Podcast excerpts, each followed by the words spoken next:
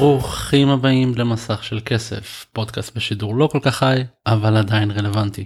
הנה סקירת סוף שבוע האחרון בקופות התחזית לסוף שבוע הבא ובין לבין גם קצת חדשות פיקנטיות והכל מבית רפי רשת פודקאסטים ישראלית. כרגיל אני רשף ואני זה שלוקח אתכם אה, כל שבוע לטיול בין הצלחות כישלונות הפתעות קופתיות בהוליווד במסך הקטן וגם בשאר העולם. ומה יש לנו השבוע? אה, תוכנית אה, עמוסה אז אה, בואו נתחיל כמו כל שבוע בטבלה שלנו. במקום הראשון זה עם 17.3 מיליון דולר בסוף שבוע הש... הרביעי שלו חוזר למקום הראשון אחרי שהיה במקום השני שבוע שעבר. עד עכשיו בארצות הברית סוגר מהר מאוד על 300 מיליון דולר כרגע עם 291.1 מיליון. 262 מיליון נוספים מרחבי העולם זאת אומרת סך כל הכנסות של 553 מיליון דולר אה, לא רע בכלל. אה, השבוע גם נודע לנו שההמשך הכמעט מתבקש למי מכם שראה את הסרט אה, יצא בסוף שבוע הראשון של ספטמבר בשנת 2019. אז פני uh, ווייז יחזור כדי לרדוף אתכם עוד שנתיים בערך. במקום השני תום קרוז עם אמריקן מייד 3,000 בתי קולנוע 17.1 מיליון לא סכום מרשים במיוחד בשביל כוכב בקליבר של תום קרוז אבל בשאר העולם הוא עשה עוד 64 מיליון אז 81 מיליון בסוף שבוע הראשון זה גם לא יותר מדי נורא. קינגסמן מעגל הזהב יורד למקום השלישי עם 17 מיליון.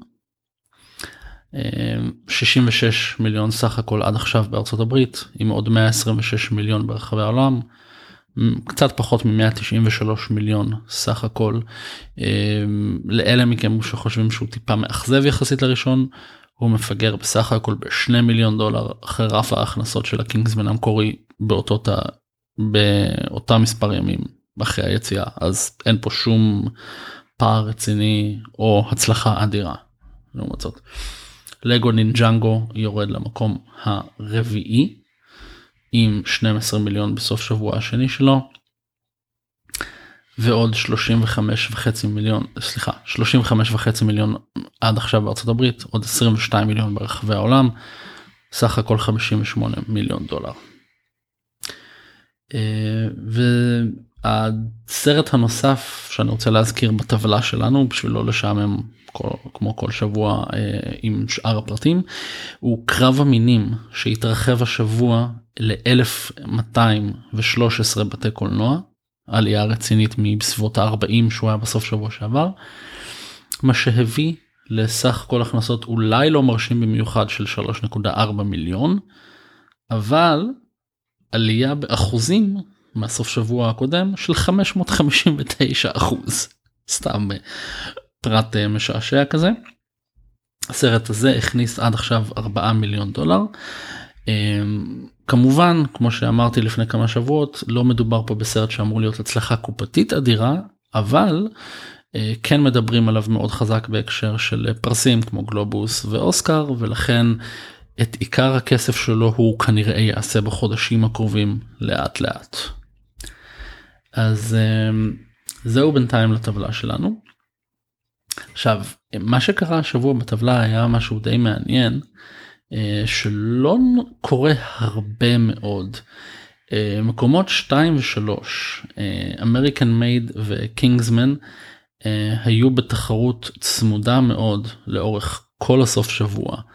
אה, עכשיו שווה להזכיר שהמספרים שאני נותן לכם בדרך כלל הם המספרים הסופיים אבל מדי פעם מטעמי זמן אני מסתכל גם על הערכות הסופיות של הסוף שבוע. עכשיו הערכות הסופיות מסתמכות על כל מיני מודלים של כל האולפנים אה, שהם יודעים לומר לפי קצב ההכנסות עד נקודה x בסוף שבוע מה תהיה התוצאה הסופית כלומר y ביום ראשון בלילה מאוחר בלילה כשהסתיימו למעשה הספירות של הסוף שבוע שהוא כמובן שישי שבת וראשון. ב-99.9% מהמקרים ההערכות האלה הן סולידיות עד אה, אה, הרמטיות לחלוטין. אה, מטווח טווח הטעות שם הוא פחות מ-2% ברוב ההערכות כלומר אם אומרים ש... סרט מסוים אה, יסגור את הסוף שבוע עם 39.2 מיליון דולר, אתם יכולים די לסמוך על המספר הזה. מקסימום יהיה 39.1 או 39.4 או משהו כזה, אבל לא הרבה או פחות יותר מזה. מה שקרה השבוע זה שהערכות בהתחלה שמו את קינגסמן מעל אמריקן מייד. הערכות אבל כשהגיעו המספרים הסופיים הסדר הזה התחלף. אה, מדובר פה בהפרש של 40 אלף דולר בין שני הסרטים אז אה, זה למעשה מה שהפריד בין המקום השני והשלישי השבוע. לא קורה הרבה אבל זה סתם פרט קטן ומעניין שמדי פעם אה, שווה לשים לב אליו. ונעבור קצת לחדשות ובעיקר חדשות טלוויזיה אבל נפתח בחדשת שהיא סוג של חדשת קולנוע אבל גם חדשת טלוויזיה. הולך להיות חידוש נוסף לשאפט. סרט אגדי משנות ה-70 שכבר היה לו חידוש בשנת 2000 עם סמואל ג'קסון בתפקיד הראשי. הולך להיות חידוש נוסף אה, לסרט הזה. שוב אגב עם סמואל ג'קסון. היוצא מהדופן הפעם הוא שיתוף הפעולה אה, בין האולפנים והתוצאה שלו. הדיבורים כרגע הם שליונס גייט שהיא החברה שהיא בעלת הזכויות והמפיקים של החידוש ישתפו פעולה עם נטפליקס. כשנטפליקס אמורים לשאת בין 70 ל-80 אחוז מהתקציב שהולך להיות הרבה יותר גדול ממה שליונס גייט תכננו בהתחלה ליונס גייט חשבו על תקציב של בסביבות ה-20 מיליון דולר פלוס מינוס נטפליקס נכנסו לסיפור והתקציב הסופי הולך לעמוד כנראה על בין 35 ל-40 מיליון דולר כמובן לא כולל פרסום. אבל התנאי של נטפליקס לכניסה לעסקה הזאת היה משהו מאוד נחמד. הם הולכים להפיץ את הסרט שבועיים מתוך תאריך היציאה שלו בארצות הברית בשאר העולם. זאת אומרת שלא משנה איפה אתם גרים אם יש לכם חשבון נטפליקס שבועיים אחרי ששאפט יצא בארצות הברית תוכלו לראות את הסרט. זה משהו מהפכני בכל קנה מידה אפשרי אם אתם זוכרים דיברנו לפני אה, באחת התוכניות הראשונות באחד הפודקאסטים הראשונים דיברנו על העובדה שיש כל מיני דיבורים בהוליווד לגבי אה, אפשרויות של אה, הזזת או צמצום חלון האקסקלוסיביות שיש לבתי קולנוע בהקרנה של סרטים שכרגע עומד על סביבות השלושה חודשים לפני שאולפנים מתחילים להוציא סרטים לשירותי סטרימינג ולבלוריי ודברים כאלה. דיברו על ה-Screening Room כאופציה להשכרה זמנית של 24 שעות בעלות מטורפת של משהו כמו 50 או 150 דולר אה, משהו אה, כזה. נטפליקס אומרים דבר אחד מאוד פשוט אנחנו נממן לכם את הסרט אנחנו אבל רוצים את הזכות להקרין אותו מתי שאנחנו רוצים. עכשיו מדובר בסרט שפונה ברמת העיקרון למה שנקרא קהל אורבני כלומר אה, קהל שהוא יותר אה, שחורים בוא נגיד אפרו אמריקאים איך שלא תגידו. עכשיו סרטים כמו Shaft וסרטים כמו Girls Trip שהוא אחד ההצלחות היותר גדולות של הקיץ אבל סרטים שמכוונים לאותו קהל הם סרטים שכמעט לחלוטין יוצאים בארצות הברית בלי הפצה בשאר העולם ואם הם יוצאים בשאר העולם אחוזי ההכנסות שם הם מזעריים. זאת אומרת בניגוד גמור לנגיד סרט כמו אה, רובוטריקים או מהיר ועצבני שעושים 60 עד 70 אחוז מההכנסות שלהם ברחבי העולם בניגוד לארצות הברית, הסרטים האלה עושים 70 עד 80 אחוז מההכנסות שלהם בארצות הברית בניגוד לשאר העולם. אז יש לנטפליקס איזשהו אינטרס כאן. הם מציגים איזשהו מודל חדש להפצה של סרטים וגם אם זה קהל נישתי יחסית שיראה את הסרט הזה יש פה איזשהו אה, עניין של בנייה לקראת העתיד. כי נטפליקס הרי אף פעם לא חושבים בקטן אם זה ילך הם ינסו את זה בעוד סרטים ובעוד הפקות בעתיד. ולכו תדעו אולי זה השינוי שכולנו חיכינו לו שכאן יתחיל בשאפט. זה חדשות הקולנוע שיש לנו אה, לשבוע הזה. אה, נעבור לטלוויזיה. אה, משהו שלא דיברנו עליו הרבה בחודשים האחרונים פשוט כי לא היה הרבה. אבל עונת הטלוויזיה נפתחה במלואה אז יש לנו כמה נתוני רייטינג לגבי השבוע הראשון. עונה 11 של אולי אחת הסדרות אם לא הסדרה הכי גדולה בטלוויזיה Big Bang Theory נפתחה עם רייטינג של 3.8 בקבוצת uh, גילאים הכי מבוקשת שזה 18 עד 49. זאת אגב הנקודה להזכיר לכם שאם לא הקשבתם ל-special שעשינו בשבוע שעבר לגבי ענייני רייטינג ואיך זה עובד ומה כל הנתונים לכו תקשיבו ואז תחזרו לפודקאסט של השבוע כי מכאן והלאה אנחנו נזכיר את הנתונים האלה יותר ויותר. אז Big Bang חזרו עם רייטינג של 3.8 ו share כלומר אחוזי צפייה של יותר מ-17 מיליון צופים. מדהים בכל קנה מידה.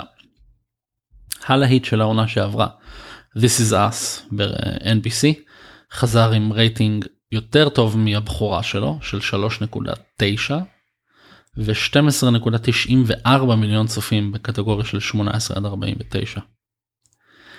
וויל וגרייס חזרו לטלוויזיה אחרי 11 שנות הפסקה והביאו uh, רייטינג של 3 ו-10.19 מיליון צופים. אבל כאן אנחנו נכנסים לנתונים הבאמת מעניינים. אחד הדברים שהזכרנו בספיישל רייטינג היה נתונים של ה-DVR וצפיות מאוחרות יותר. הנתון הכי מבוקש או הכי מעניין בקטגוריה הזאת זה הנתון של same day פלוס 3 כלומר לוקחים את הרייטינג ההתחלתי ואת מידת הצופים כמות הצופים ההתחלתית ומחכים 72 שעות לאחר 72 שעות רואים עושים הערכה מחדש של הנתונים. אז בעקבות ה-DVR פלוס 3 This is us עלו למקום הראשון עם bump של 5.7 מיליון צופים לעומת bump של 5.5 מיליון צופים של Big Bang זאת אומרת שיותר אנשים ראו את This is us ב delay של כמה ימים מהשידור המקורי מאשר אה, אנשים שראו את ה Big Bang ב delay של כמה ימים.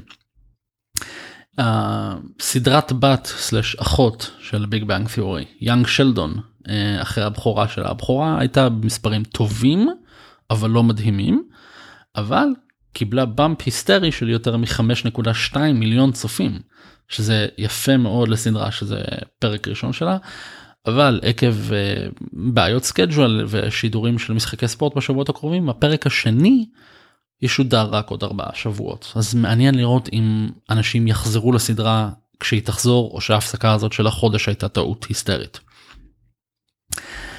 וכמובן על כל הצלחה יש כישלון. ואני חושב שאתם יודעים מה בא עכשיו. Inhumans, הבכורה הכפולה שודרה ברשת ABC בסוף שבוע האחרון וזה לא היה יפה. Uh, הבכורה באיימקס uh, גררה ביקורות מחרידות uh, וזה תרם לרייטינג די מזוויע של 0.9 וקצת פחות מ-3.78 מיליון צופים. זה לא סוף העולם מבחינת רייטינג או צופים, אבל זה משהו שמאוד צריך להדאיג את ABC לקראת ההמשך. זה היה פרק הבכורה. אין הרבה סדרות שמשתפרות אחרי פרק הבכורה. אז הכיוון הכללי כאן הוא למטה. ולזה ABC צריכים לדאוג. מה יהיה לנו בשבוע הבא? ובכן בלייד ראנר 2049 עולה בקולנוע. רוב התחזיות מדברות על בין 42 ל-45 מיליון. אני חושב שזאת uh, המעטה יש פה ביקורות היסטריות בחיוביותן. סרט טיפה ארוך מה שמגביל את מספר ההצגות שהוא יכול להריץ ביממה.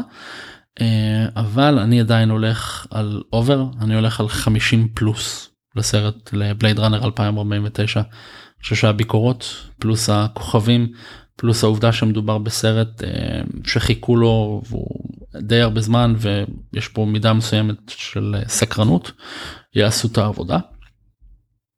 יחד איתו, יחד איתו יצאו לקולנוע My Little Pony אה, לאלה מכם שעדיין שבויים בגיל 4 בערך.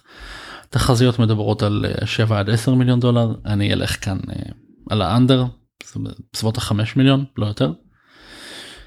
וסרט דרמה אה, שמצד אחד עושה רושם של סרט רציני אה, לפי cast שכולל את קייט ווינסלט ואידריס אלבה. אה, הוא נקרא הר שבינינו אבל כמה שהוא מיצב את עצמו כסרט אומנותי במרכאות הביקורות לא היו הכי מחמיאות בעולם. תחזיות מדברות על 8 מיליון אני אלך נמוך יותר 6 מיליון.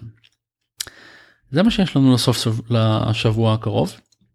אני רוצה להזכיר לכם שכמו כל שבוע יש לנו דף פייסבוק אה, שם אנחנו מפרסמים את הפודקאסט ומפרסמים כל מיני חדשות ודיווחים בזמן אמת ואתם יכולים לשאול אותנו שאלות ולקבל תשובות.